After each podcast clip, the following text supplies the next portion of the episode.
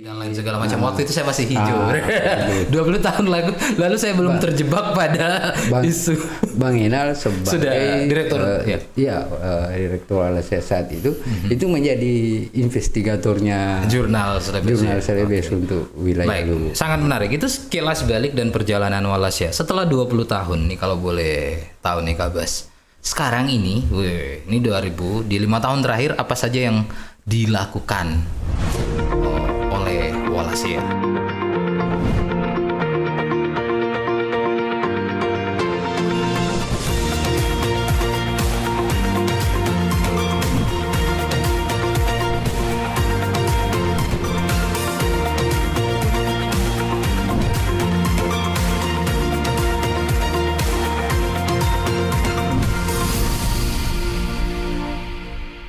Assalamualaikum warahmatullahi wabarakatuh. Kita berjumpa kembali di episode kedua Jurnal Podcast bersama saya Rudi Rustam.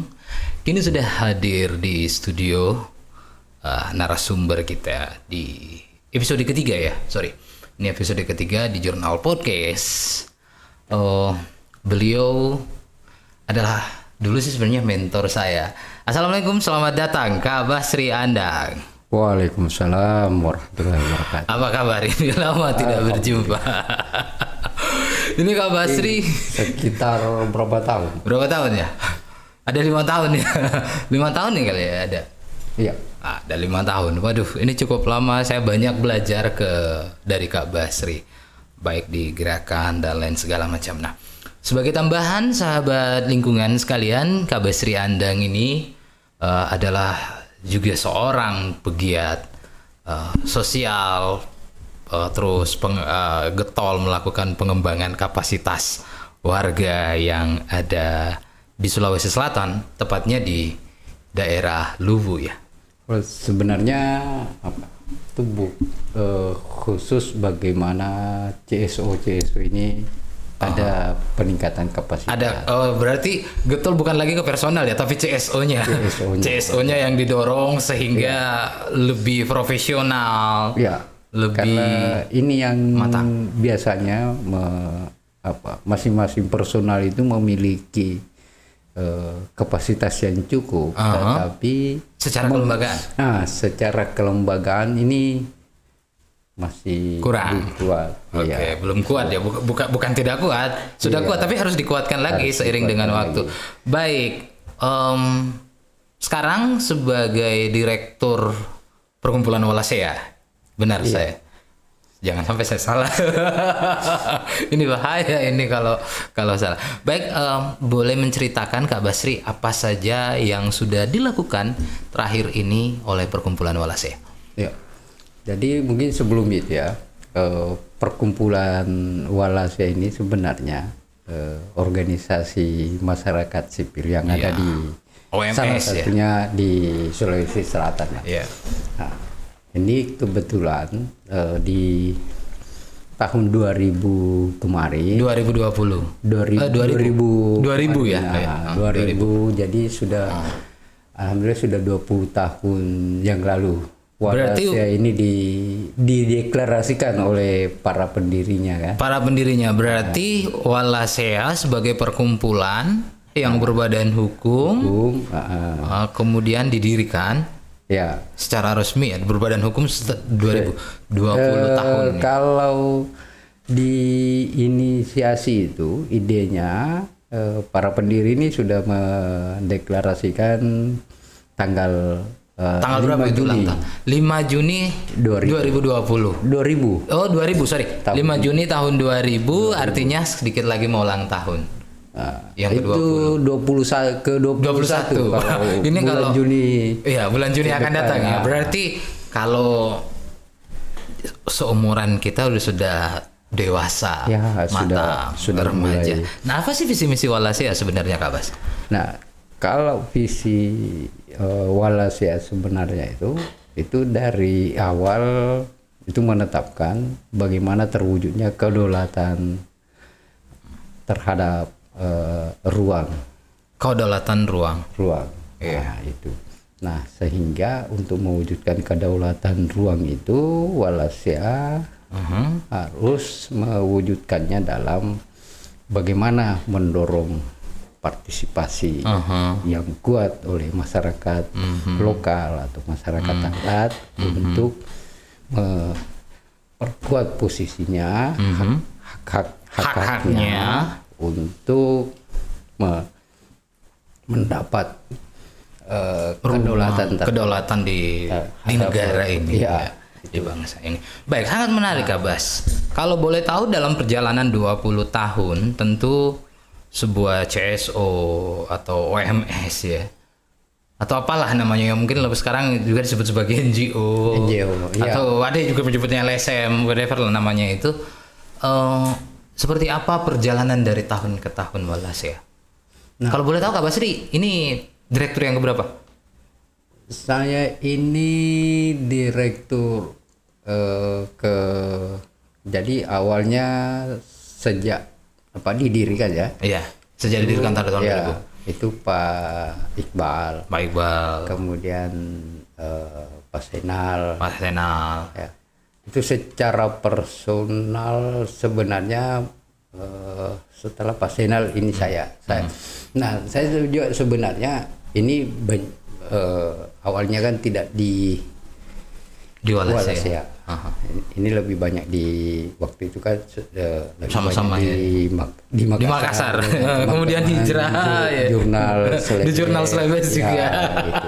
Berarti sebenarnya jurnal Selebes ini eh, sahabat lingkungan, eh, jurnal Selebes ini sebenarnya eh, di awal-awal ya sudah orang-orang jurnal dulu, tapi tidak apa-apa.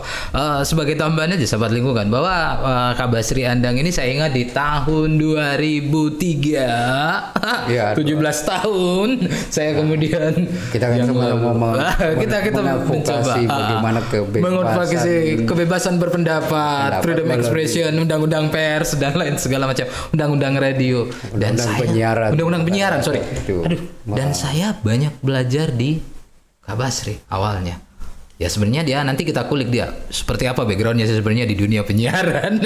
Tapi setelah yang satu ini jangan ke mana-mana. Eh karena Kabas ini ada kopi, kita ngopi dulu ya berarti dengan santai ya. Oke. Kopi. Ah, ah. Ah, kopi ini bukan endorsement. Jadi ciri khas daripada jurnal podcast itu setiap tamu harus ngopi. Baik ya. sebuah kebanggaan. Ah, ah, dengan sebuah kebanggaan. Thank you. Kita balik setelah ini ya, jangan ke mana-mana. Ah, begitu. Dengan dengan santai, eh, badan tegak. Oke, baik. eh, kita balik di sesi kedua sambil kita dengarkan dulu. Eh, tadi pertanyaannya sih Kak Bas, bagaimana eh, direktur tadi ya soal direktur? Boleh dilanjut mungkin sambil saya siram kopinya. Nih.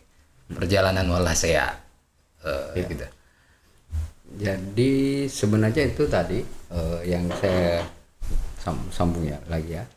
Nah, jadi sejak eh, 5 Juni 2000 eh, itu di Maju dikit boleh Kak Bas? Ya. Oke. Itu di apa di, didirikan tetapi secara resmi berbadan hukum eh, itu nanti eh, 14 eh, Januari tahun 2001 di Oh 2001 Di akta jadi notariskan. di akta notariskan. Oh, berarti satu tahun dulu untuk mencari Ya. bentuk, Nah, kemudian itu sudah di Sudah deal ya, di- sudah iya fix ya. dideklarasikan sudah deklar bahwa ada sebuah perkumpulan yang Hanya- bernama Walas ya, Hanya, eh, menurut para pendiri. para pendiri jadi eh, itu menginternalisasi dulu Resource-nya dulu ya. Iya. Resource-nya. SDM, SDM kalangan eh, para pendiri ini Oh. karena tidak langsung Besar begitu. besar Oke. ya itu nah itu pun juga eh, belum eh, bentuknya masih yayasan dan Masih yayasan ya, belum perkumpulan. Karena waktu itu undang-undang perkumpulan belum lahir ya? Ya. Oke, belum- aturannya belum ada. lahir. Nah, Benar. kemudian itu eh, sebenarnya Walas ya Mhm. di awalnya itu nama eh, kepanjangannya eh, tetap Mhm. sebenarnya Walas ya singkatannya tapi kepanjangannya ini yang Akronim eh, juga? be- berubah da, ya dengan sekarang. Ah, kalau boleh tahu apa itu? yang pertama Jadi itu Walas ya. Dulu eh, Walasia itu kepanjangannya Wahana Lingku, eh, Wahana Laut Lestari Selebes Area. Oh, wahana laut lestari selebes area. Nah, kemudian berubah. Nah, berubahnya jadi apa sekarang? Nah, jadi itu tadi kemudian eh, 2015 jadi eh, Lima tahun kemudian. eh, seiring dengan seiring dengan waktu undang-undang undang-undang perkumpulan sudah ini kemudian eh, tuntutan eh, apa eh, kebutuhan, bagaimana meng- mengakomodir mengakomodir dan berorganisasi pada saat itu. Ah, beberapa teman-teman yang Mhm. berminat untuk ikut akhirnya gabung dalam Iya. Walasia akhirnya ini para pengurus saat itu saat itu, me- me- Melakukan perubahan. melakukan rapat dan perubahan eh, bentuk Statuta lembaga. ah, Ah, oke. bentuk lembaga dan sekaligus Merubah itu nama. perubahan nama Oh, perubahan nama. Jadi artinya walaupun berubah tapi tetap tetap, Tetap mengingat Walas. sejarah dan lain Iya. segala macam. Jadi nah, kalau boleh- tetap namanya Walasia. Walasia, Tapi? eh, tapi eh, kepanjangannya yang berubah. kalau boleh tahu apa itu? Nah, eh, jadi eh, Walasia sekarang wahana lingkungan eh, lestari selebes area. Oh, wahana lingkungan lestari selebas Jadi area. hanya lautnya dengan Dulu hanya lautnya, Ah, lautnya yang berubah menjadi di lingkungan. Artinya sudah itu dulu kenapa laut karena di eh, Palopo saat itu di tanah Luwu. Luwu waktu itu eh, ini eh, ada YBS yang saya dengar dari iya, ada apa, YBS. kilas balik YBS ini yang concern di lingkungan di laut juga. di hutan Oh, di isu- hutan. isu hutan nah Ah, kemudian harus ada yang konsen di isu laut juga. ya gimana ini ada Maksudnya Berarti ada sparring partner gitu ya. Ah, Ah. nah, sebenarnya kalau me- mendengar juga di apa dinamika Organisasi. eh, organisasi ini, jadi eh, ini bukan eh, apa eh, pendirian Walasa ini untuk memperkuat Hanya untuk aliansi eh, CSO pada saat itu. Iya, gerakan-gerakan ya, Civil society. lingkungan, Lingkungan. saat itu sehingga kalau dirujuk lagi Walasia dengan jurnal Selebes itu sejak tahun 2000-an memang, Memang sudah ada sudah saling Iya. berafiliasi ya, ya, teman-teman. baik secara personal Maupun kelembagaan. di- ya direkturnya Bang Enal saat Mhm. itu dengan jurnal itu eh, sudah ada ikatan apa, Emosional. emosional yang kuat, Yang kuat, Karena jurnal yang eh, tahun 2000-an kita tahu itu awal-awal tahun 2000 Awal, iya. banyak melakukan investigasi investigasi dan lain segala macam. Ah. Waktu itu saya masih hijau. Ah, 20 tahun lalu lalu saya belum terjebak pada Bang- isu. Bang Enal sebagai Sudah direktur, eh, ya. iya, eh, direktur Alasia saat itu itu menjadi investigatornya Jurnal Selebes. jurnal Selebes untuk wilayah Baik, Luwu. sangat menarik. Itu sekilas balik dan perjalanan Walasya. Setelah 20 tahun nih kalau boleh tahu nih Kak Bas. Sekarang ini, wih, ini 2000 di lima tahun terakhir apa saja yang dilakukan oh, oleh Walasya di Ya, Tanah jadi sebenarnya eh, ini juga ya apa eh, bisa dibayangkan bagaimana harus Hmm. eh, banyak belajar Hmm. dengan jadi saat 2015 Hmm. teman-teman mempercayakan eh, ke Kak Basri Iya, sebagai pimpinan, sebagai direktur. wala- apa se- sebagai direktur, Hmm. tetapi pada prinsipnya bagi saya sebenarnya itu eh, direktur itu bukan sebuah eh, Prestis gitu. per- iya. Karena apa? Ini juga yang harus di Tanggung jawabnya berat.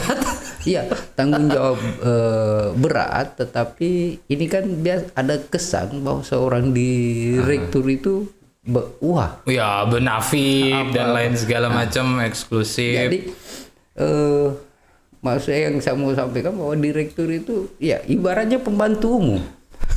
kok kenapa bisa begitu? Direktur kok jadi pembantu umum? ya. kenapa bisa begitu? Karena ini yang harus memi apa eh, bagaimana menjaga ma- manajerial ini supaya bisa jalan terus Oke. kemudian eh, semua eh, di Walasia kan ada divisi-divisi bagaimana divisi-divisi Iya. bisa ini juga terus bisa. hidup. Memanajerial dan segala macam. Mem- Memang hakikatnya direktur sih seperti itu tuh Ya, pimpinan. jadi itu bahwa bukan sebuah sebuah prestasi, iya, wow, yang bukan sebuah kebanggaan, sangat menarik. Berarti setelah itu dari sekian banyak program yang dijalankan, tantangan terberatnya ini, ini tantangan terberat eh, selama dipercayakan menjadi pemimpin atau eh, direktur di perkumpulan Walase. Iya. Se kalau tantangan terberatnya mungkin di ini ya apa se sebagai organisasi yang eh, basisnya advokasi, Advokasi. ya apalagi lingkungan hidup dan di wilayah Luraya misalnya ini se apa bagaimana serangan dan ancaman investasi Benar, yang benar. cukup Terutama kalau kita besar. bermain di situ ya di ranah advokasi. Eh, namun alhamdulillah sampai sekarang kita ma, apa walasa itu masih tetap mempertahankan bahwa tidak akan kerjasama dengan perusahaan-perusahaan yang merusak Lingkungan. lingkungan. Nah, itu dia. Bagaimanapun ininya tidak akan. Berarti itu menjadi kode etik ya, kode itu etok menjadi boleh. statuta. Satu, karena kan ada beberapa lembaga kemudian ikut berkontribusi membangun misalnya perusahaan-perusahaan besar, perusahaan-perusahaan kapitalisme kan urusannya adalah duit. Tentu, tentu banyak yang tergiur. Nah, walase ya, betul tidak melakukan itu ya, Jadi Walasia sampai sekarang menjaga rule-nya. Nah, karena Bagaimana? di situ ininya sehingga apa apa kalau ini sudah eh, misalnya terjadi itu akan apa Mhm. Keluar dari- meruntuhkan iya Oke, oke. meruntuhkan eh, gerakan Dignity-nya, Iya, harga diri sebuah CSO. tetapi sebagai organisasi non pemerintah kita juga harus memperlihatkan bahwa kita ini bukan eh, bekerja eh, tidak profesional Tidak profesional. Oke, itu menjadi kata kunci. Walaupun kita orno, organisasi non pemerintah, tapi bukan berarti tidak bekerja dengan profesional. Iya. Baik. Nah, pertanyaan saya yang kedua, Kak Bas. Bagaimana sikap Walasea terhadap pemerintah nih, Pak, atau terutama pemerintah daerah dan pemerintah pusat? Apakah kemudian sejalan atau tetap dengan eh, kolaborasi atau bahkan misalnya ya konservatif? Nah, nah itu yang eh, sekarang apa pada perkembangannya saat ini itu eh, ini kan juga kita sudah tidak bisa eh, apa eh, terus be, maksudnya Terus berlawanan dengan pemerintah, Ah, terus kontra dengan tetapi pemerintah. juga kalau mau berkolaborasi itu bukan berarti eh, harus ada eh, apa eh, di bawah Atau di atas ya, Iya, gitu kan? di- atau di- menjadi menjadi iya. inilah, menjadi corong pemerintah gitu. ya harus setara Harus setara. Harus Posisinya setara. adalah mitra. Iya, makanya di situ ke profesionalisme harus di Baik. ini. Maksudnya profesionalisme, misalnya di Walasia dalam hal eh, pelayanan pemetaan partisipatif, Oke. itu tidak bisa eh, tidak profesional. Baik.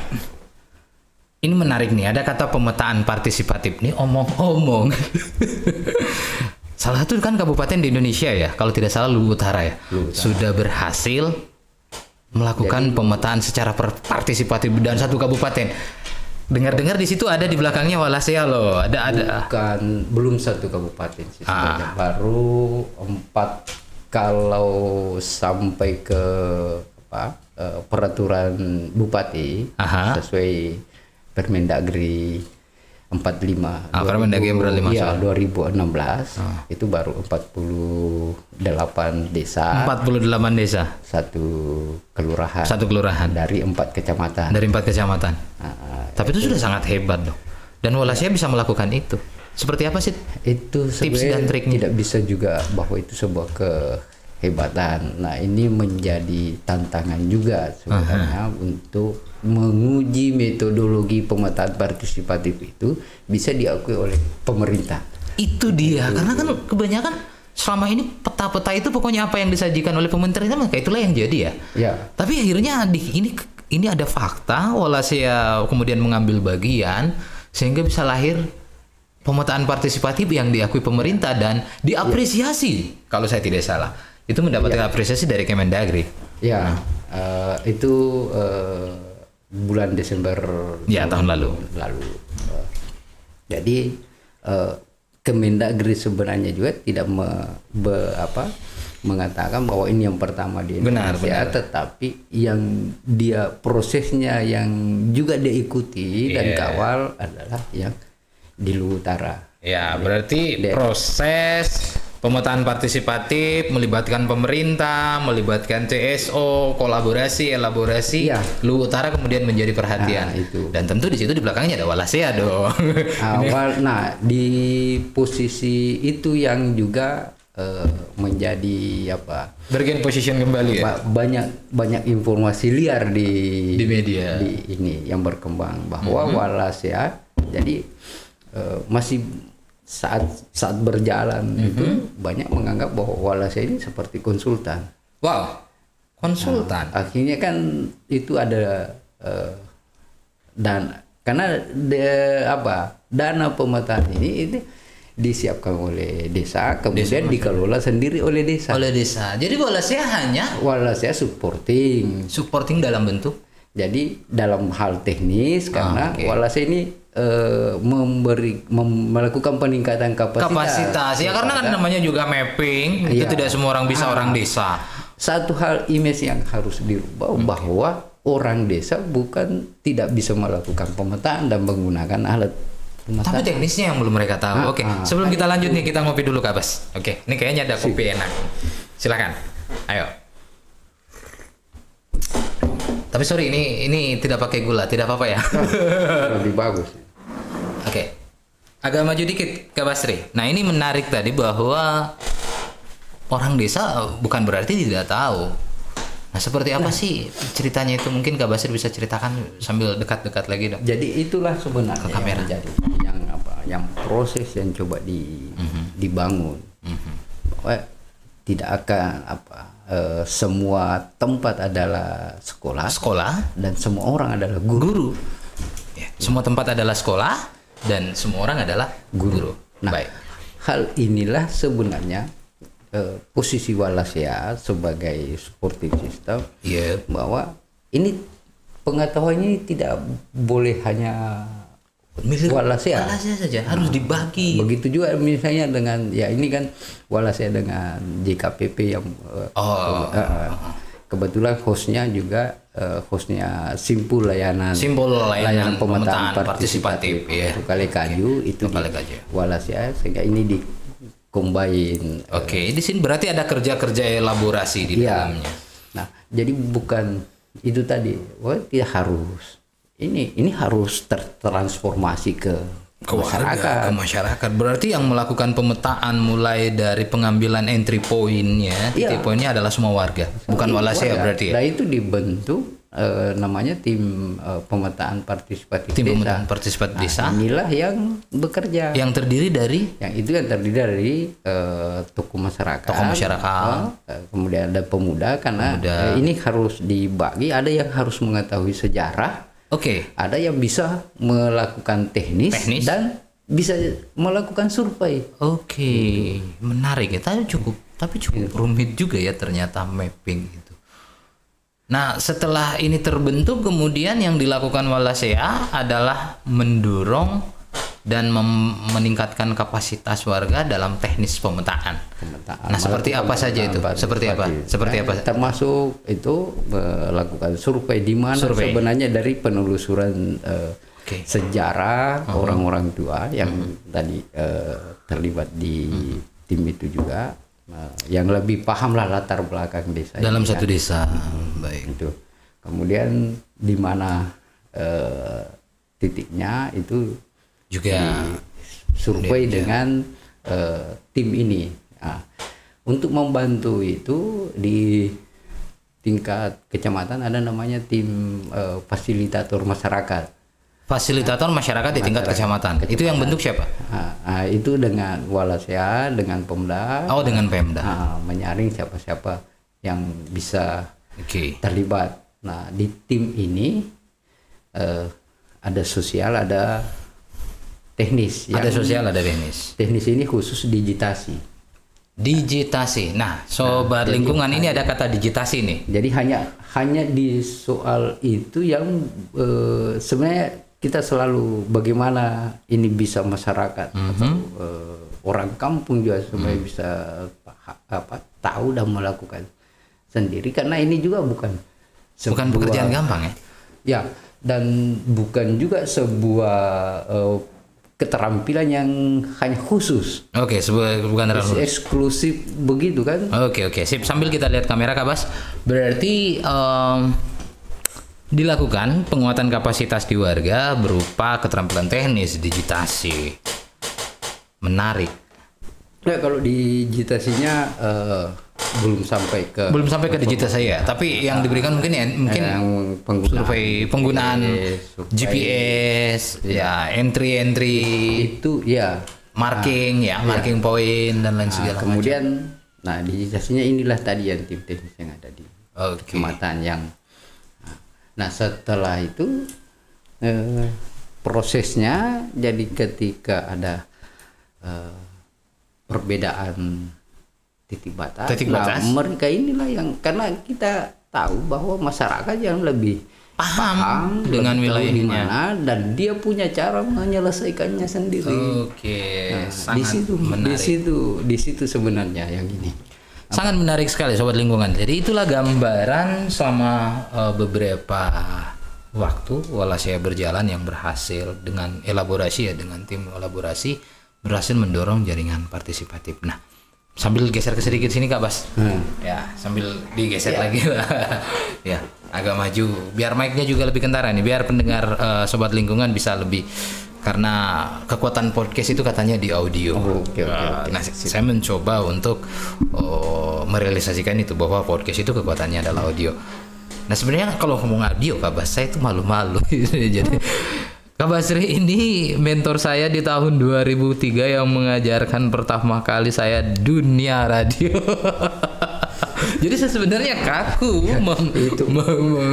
Jadi itu sebenarnya satu apa, jadi saya apa, ilmu itu saya coba pe, apa saya coba transformasikan juga ke teman-teman eh, ke yang lain ya. Tapi saya juga akhirnya nervous sendiri nih. Harus ini ini pertama kalinya setelah 17 tahun mendapatkan ilmu. Jadi ini kayaknya kalau istilahnya nih guru eh murid me- melawan guru. Tapi ini bukan melawan guru, tapi ya guru yang baik adalah yang mampu menghasilkan murid-murid artinya yang hebat. kesempatan saat itu yang saya terima juga bisa bergabung di eh, ra- radio Smart FM Nah, awalnya di Smart FM ya, dan sampai sekarang eksis. ya yang saat itu eh, Lagi masih top-topnya. beredar radio radio berita Radio berita level nasional. itulah yang eh, apa eh, keterampilan pengetahuan terkait Bicara soal audio, saya sebenarnya tuh malu-malu sama Kak Basri. 17 tahun lalu beliau yang pertama kali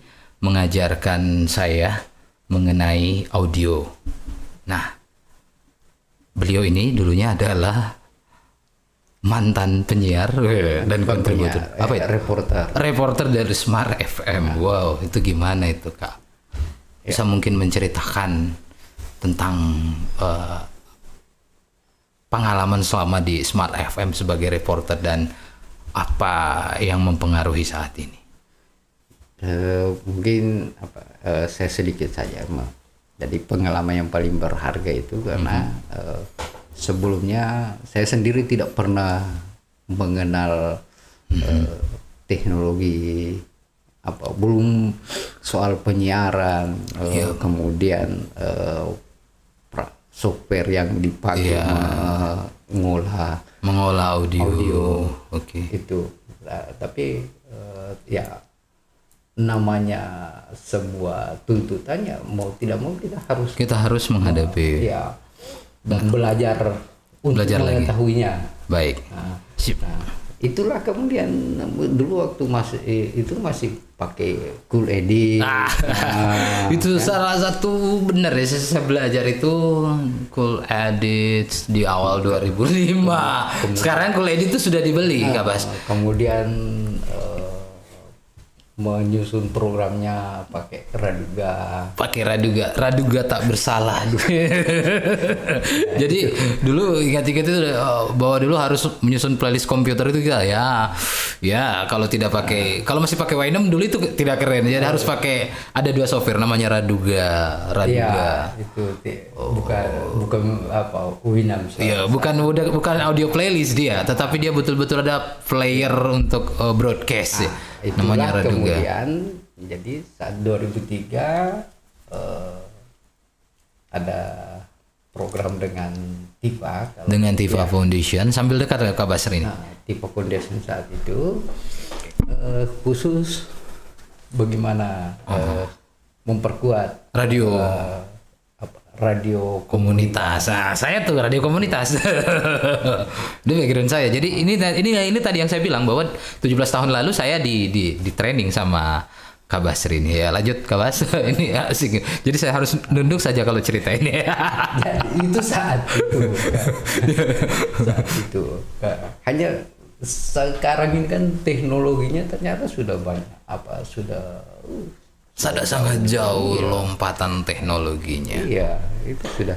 Nah, akhirnya apa s- waktu dengan TV itu teman-teman jurnal itu berusaha bagaimana kapasitas pengelola radio, Radio komunitas itu ini ditingkatkan. bisa, Benar. eh, meningkat. Hmm, makin Artinya bertambah. bukan dari apa eh, pe- apa penguasaan Iya. penguasaan eh, peralatan teknis dan lain segala iya, macam. pe- penguasaannya itu.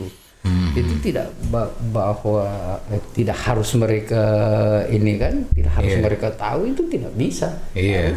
Harus dia paham. harus dia paham sesuai bisa dengan yang melakukan meskipun juga yang lebih utama adalah bagaimana fungsi-fungsi sosial. Fungsi-fungsi sosial radio komunitas tetap tetap. jalan. next kita akan ngobrol lebih panjang soal radio komunitas nih. Saya Tapi kayaknya. bi- bisa di sisi lah apa di waktu lain. Di waktu lain kita bakal uh, ngobrol. itu di apa dengan perkembangan. Dengan perkembangan dan dinamika radio komunitas. Baik, sahabat lingkungan, tadi uh, kita back to topic bahwa uh, Kak Basri bersama Walasea dan rekan-rekan yang ada di Kota Palupo ya, ya uh, di Tanah Luwu sudah melakukan berbagai macam gerakan-gerakan dalam mendorong pemetaan partisipatif, kemudian uh, penguasaan terhadap ruang-ruang, hak sosial.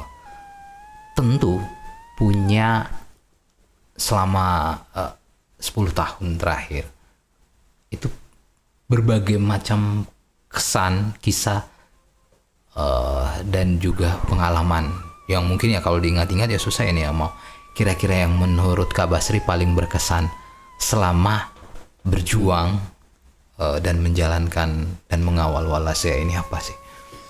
nah itu yang apa salah satu lokasi Walasea kan sebenarnya itu ada di kompleks Danau Malili Danau Malili. Baik, ini ini, ini kayaknya audionya bisa lebih rapat ini Kak. kompleks Danau Malili yang kita tahu bersama di sana ada eh, PT Pale Ada VT Vale, benar. Ada satu ada satu perusahaan yang sangat besar. Nah, tapi sebelumnya itu Walasea memang sudah melakukan pendampingan Oke. itu udah di komunitas eh, Komunitas yang masyarakat yang terpinggirkan oleh itu juga bersama ya, jurnal seleb apa, Oke. jurnal seleb saat itu Oke. dengan Samdana dengan me- melakukan perencanaan eh, kampung di di Vale ya. nah tapi yang yang saya mau sampaikan eh, beberapa tahun eh, saat ada program konservasi Iya. ya apa itu didukung oleh eh, Critical Ecosystem Partnership Fund Oke. eh, Malaysia. Nah, Jadi kompleks Danau Malili ini itu sangat berat me, me- apa menyatukan persepsi. karena di dalamnya banyak kepentingan. Ba- ada banyak kepentingan. Iya. kepentingan yang Oke. eh, masyarakat ada PT Vale ada PT Vale ada pemerintah desa. ada eh, BKSDA BKSDA ada pemerintah kabupaten provinsi pokoknya macam-macam lah kepentingannya benar. ini. Ah, ah. lem, apa di eh, instansi teknik vertikalnya KLHK saja Juga itu ada. dua Oh. itu tadi BKSDA ada BP Tapi itu berhasil ya. Maksudnya jalan bisa dilakukan. Nah, sehingga yang harus dilakukan ini bagaimana mem- membuka ruang-ruang komunikasi Dengan semua pihak ini. pihak ini supaya apa eh, bisa sama-sama untuk bagaimana menyelamatkan Mhm. kompleks danau Malilin. Dana Malili. Ya, akhirnya di saat itu eh, masyarakat di desa kita inisiasi ada beberapa desa, desa Matano, desa Nuha, Mhm. Matano Nuha, Nuha, kemudian eh, Tole, Tole juga. Nuha Matano ini itu di pesisir Danau Matano, Oke. Kemudian Tole itu pas di pesisir eh, Tauti. eh, Danau Mahaluna. Oh, Mahaluna. Kemudian Danau Tuuti itu ada desa Bantilang. Desa Mantila. Nah, itu di seberang Oh di seberang danau, jadi harus nyebrang lagi ya dari ke- dari Kenuhai dari bukan dari, Timampu ke Bantilang. ke Bantilang. Wow, sangat menarik sekali. Ini dari forum desa ini kemudian mencoba me- eh, menggagas Mhm. dan mengajak pemerintah desa. Mhm. Eh, waktu itu 21 eh, desa yang 21 desa. ta- ya yang ikut bagaimana membicarakan apa Konservasi danau-danau ini jadi dengan pengalaman empat desa yang sebelumnya. Ah, Nah, satu hal yang mau di ini pertama tadi terkait dengan pemetaan, kemudian perencanaan eh, Perencanaan tata ruang. pemerintahan partisipatif. Nah, ini di ada eh, apa? Ini termasuk pe- pengalaman baru sebenarnya juga di tingkat Oke. Walau saya bekerja di konservasi, tetapi eh, yang kita mau sampaikan pada saat itu bahwa pemetaan eh, Partisipatif. partisipatif ini ini akan menjadi eh, apa? Bekal. Eh, bukan, ini akan memperkuat sebenarnya Oke.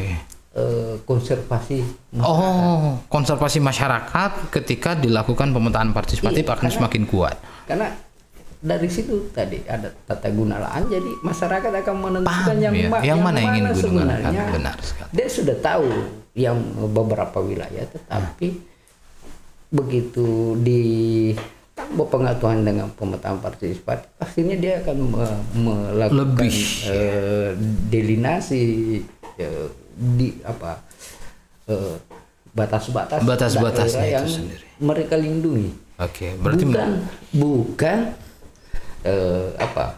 Bukan eh, Mengeksploitasi. kawah, bukan kawah bukan itu yang wilayah perlindungan masyarakat itu bu, bukan dari kawasan yang sudah ditentukan gitu, tapi Iya, di mereka yang bukan- menyer- bukan menyentuhkan kawasan- sendiri. Nah, bukan kawasan menarik. eh, konservasi, apa, konservasi Ah, bukan bukan hutan lindung, tetapi tapi itu bisa ada di tengah kampung di, di perkampungan bisa di wilayah kelola atau di kebun. Oke. kayak- tetapi dia lindungi karena Karena kepentingannya, ada kepentingan di dalam, benar yang sekali. langsung dengan bersentuhan dengan dirinya mereka, mereka. kehidupan mereka. Sangat menarik soal dibalik Nah, eh, inilah yang sebenarnya kita eh, salah satu eh, pesan yang mau disampaikan bahwa Oke. konservasi masyarakat itu bukan hanya eh, melihat konservasi jadi konservasi jenisnya tetapi bagaimana masyarakat memahami betul konservasi satu wilayah ya Berarti ada proses self awareness, kesadaran diri dari warga, kemudian lewat kesadaran dirinya dia yang kemudian menentukan sendiri nasibnya bahwa ini adalah lahan konservasi. I- i- Ini harus i- dikonservasi. jadi la- wilayah perlindungan Wilayah perlindungan masyarakat WPM. namanya, WPM. jadi bukan Bukan karena ya ini karena Iya. Nah. bukan disodorkan begitu saja ya, ya. bukan Baik, sangat karena menarik. kepentingannya yang apa eh, Bersentuhan langsung Ah. ya dengan itu. dengan misalnya eh, ada di tengah kampung Oh, Oke. eh, itu ada wilayah yang di Uh-huh. WPM-nya masyarakat Uh-huh. itu dari dulu tidak pernah memang dia kelola Oke. karena prinsipnya kalau menga- me- misalnya berkebun apa Ya. membuka itu untuk eh, eh, mendapat Keuntungan ya, ekonomi. pencaharian misalnya kayak ini kan em, untuk penghidupannya sementara it- kalau itu juga mengancam Mengancam ya, ya mending jangan kan Ya, begitu. Di, si- di, di situ pemahaman konservasi berarti- ini sebenarnya. Kemudian kalau dihubungkan dengan eh, secara teoritik, misalnya habitat, ya, perlindungan Oh, habitat, habitat, ini biodiversity-nya ini ya? kena. Oke. Ternyata. Meskipun masyarakat misalnya tidak mengenal itu spesies Spesies apa yang di dalam dia teman Iya. mau langka dan lain segala macam don't wo- don't care gitu. Iya dia apalagi kan misalnya dengan eh, kurangnya orang Literasi, kurangnya pendidikan, kurangnya akses informasi, Sosialisasi. sosialisasi. Bahwa ini adalah hewan langka di dalam di situ ini adalah pohon langka tapi ini mereka melakukan perlindungan itu karena ada kepentingan Ada kepentingan, iya. berhubungan dengan eh, dirinya, Dirinya. dan leluhur leluhurnya dan lain segala macam. Sangat menarik, Kak. Bas. itu terbukti jadi satu ada di satu tempat Mhm. misalnya di Nuha Mhm. Nah, itu ada eh, satu wilayah yang me- di wilayah perlindungannya Iya. masyarakat itu menjadi habi, habitat di mana populasi eh, Endemik. kayu endemik paling banyak di situ. Oh. Berarti Artinya kalau masyarakat sudah mulai sadar nih bahwa konversa- konver- eh, konservasi itu penting ya dan dan perlu wajib. ya itu dia yang anunya hanya kan ini lebih kita tidak dorongkan dalam satu habitat dan berangkat dari pengetahuannya mereka. Oke, berarti memang berbanding lurus ya tingkat informasi, akses informasi, literasi juga akhirnya melahirkan kesadaran-kesadaran untuk melakukan hal-hal yang konservasi. dan sekarang ya untuk misalnya eh, kayu yang eh, endemik tadi itu damadere rode dengan damar mata kucing. Nah sekarang mereka me- terus melakukan eh, pembiakan Nah, dari Ditambah akarnya, terus iya. menjadi kayu-kayu endemik ya, Iya. kayu-kayu lokal ya. Kemudian satu hal yang ini sudah ada perubahan eh, eh, pola pikir dan kesadaran bahwa di di Luhut Timur ini kan kita tahu Iya. bagaimana eh, masifnya Ah, pembukaan lahan, pembukaan mereka. lahan, merica, Nah itu pasti akan mengancam, kayu-kayu endemik tadi ya pastilah mengancam juga ke kelestarian yang eh, lebih wah, ya benar. Nah, bukan hanya yang Hutan ya, tapi juga danau. Oh. itu flora fauna itu Oh, iya. di, di Sulawesi yang kaya dengan endemisitasnya ini itu juga eh, terancam. Nah, dengan tadi Kesadaran. misalnya hanya satu monokultur, hanya satu tanaman, ini juga kita harus me- kita sering-sering apa selalu mengajak mereka. Ah, me- apa melihat ke belakang bagaimana sejarahnya kakao Oke. begitu harga. Semua kakao, kakao, kakao lagi harga jatuh, harga jatuh kemudian ada penyakit. Itu sudah tidak ada. Habis ya sudah tidak. sudah Benar. tidak bisa terbendung.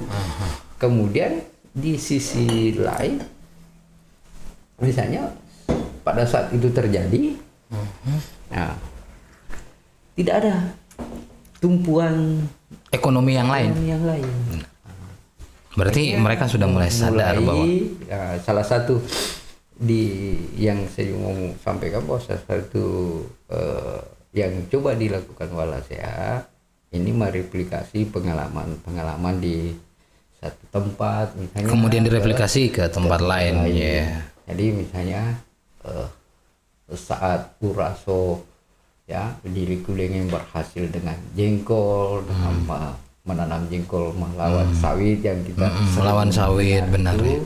Kemudian jengkol ini memang juga secara Ekonomis. eh, ekonomis dan ekologis. Mhm. Nah, karena di belajar dari Uraso itu yang kemiringan ini ternyata setelah ditanami jengkol itu eh, Akhirnya bisa. me- melandai melanda ya Jadi ada perubahan eh, struktur, struktur ini, eh, tanah tanah ceritanya. Jadi ini bisa mengkonservasi eh, Oke. apa, tanaman untuk konservasi tanah. oke Nah, inilah yang juga kemarin 2016 kalau nggak salah itu melalui program-program ya kerjasama elaborasi ah, itu bersama konsorsium jurnal Ya, ya, konsorsium jurnal Slaibes. Slaibes dengan empati di Luhut Timur. Ya itu dibuangi itu kita mencoba melakukan perlindungan eh, sempadan sungai Lamonto dan itu melakukan penanaman jengkol jengkol juga. ya. Berarti hal yang menjengkolkan itu sebenarnya cocok untuk menjadi tanaman yang konservatif. Setahun kemudian 2017 itu coba kita perkenalkan di Nuha. Ah, dan di Matano ah, akhirnya mulai ditanam juga ya jengkol-jengkol nah, dan sekarang itu juga lagi di ini. Sudah mulai panen? Eh, baru mulai belajar Berbuah, panen. karena 2017 ini baru empat tahun itu belajar panen. Hmm.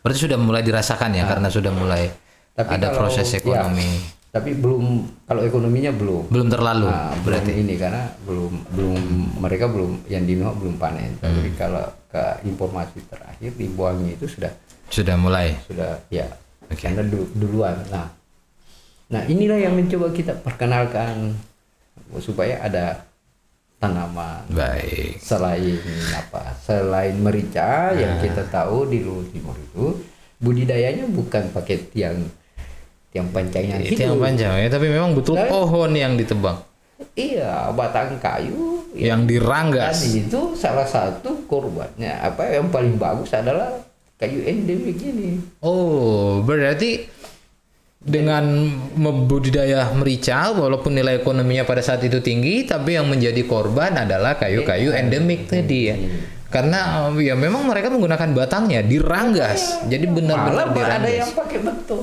Oh sangat menarik Jadi sekali. inilah konservasi tanah dan air ini mencoba kita eh, kawal. ah, kawal.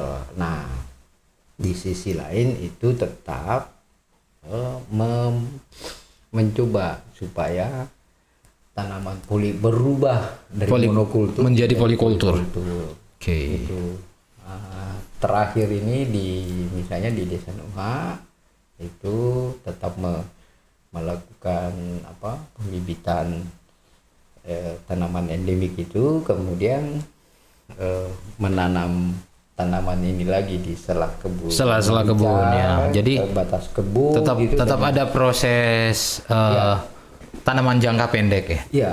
Oke. Eh, Ah, dia atau? menanami ini lagi sekarang apa eh, campedak dengan oh. menambah jengkol juga. Ah, jadi ada mulai jenis-jenis baik. Nah, ada jenis lain. Jadi ya kita berharap ini bisa menjadi eh, apa contoh sumber sumber ekonomi baru. ekonomi bagi mereka. Jadi tidak mau ya mungkin saat ini merica masih tapi saat ini kan merica sudah eh, Ya.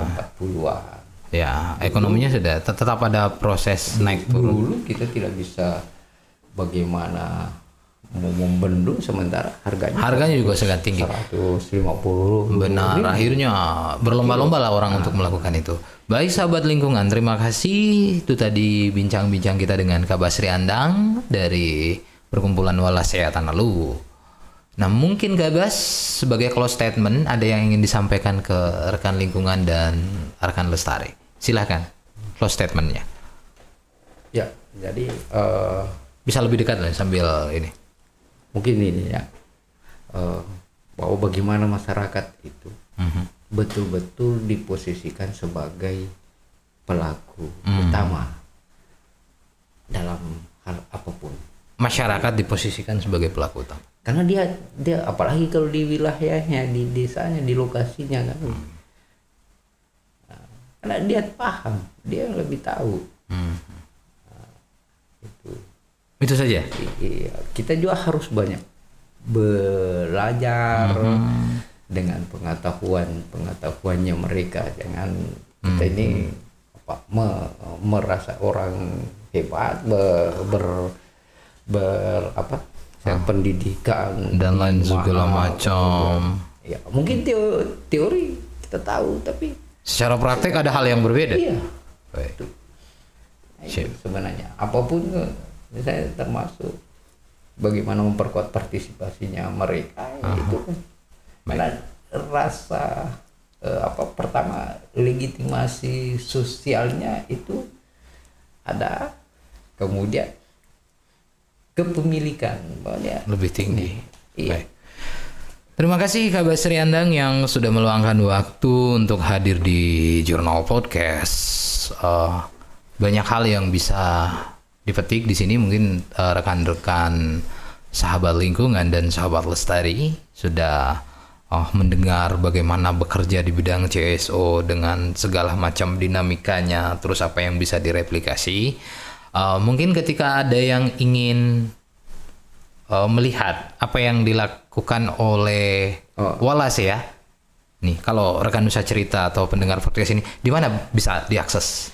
Jadi eh, saat ini itu tersedia sebenarnya saluran media. Ya, saluran media, informasi Ya, komunikasinya. ya, eh, di bagi Walasia yang dikelola langsung oleh Walasia Aha. itu eh, bisa informasi itu diakses di webnya Web Wallace ya, kalau boleh tahu disilakan nanti, akan kita tayangkan di sini di ya di eh, Walasia ORID Oh, Wallace Or ID. ORID itu di website kemudian itu dari dua website ini 2017 kalau Ah, nggak salah. 2017. Eh, tapi sebelumnya itu ada blog yang masih Ada blog yang masih WordPress Masih WordPress pakai mau gratisan dari WordPress gitu. dan itu masih gratisan sampai sekarang. Sampai detik ini ya, masih dipertahankan gratisannya itu cari hasilnya berarti. Itu, di itu 2017 eh, 2013 2013 itu alamatnya di mana? Ya itu di eh, perkumpulan Wal Walasia Dot WordPress? dot WordPress Dot com. dot com. Oke, mungkin ada Instagram. Ah, Ada Instagram, ada YouTube dan lain di segala macam. Instagram itu juga pakai Walasia Wallace ya. semua pakai Walasia Eh, YouTube itu eh, Perkumpulan Wallace ya semua ya, semua Oke, Wallace, baik. Berarti sahabat eh, lingkungan, sahabat lestari bisa mengakses di kalau di YouTube itu video-video video-video apa yang sudah dilakukan. oleh Waduh. Walasia Ah, mungkin nanti ke depan juga akan bikin podcast seperti jurnal podcast. ya malah Semoga sih. sebenarnya itu 2000 Dari studio Jurnal Selebes, saya Rudi Rustam dan Basri Andang Seranda mengucapkan salam lestari, salam lingkungan. Terima kasih. Wassalamualaikum warahmatullahi wabarakatuh. Wah,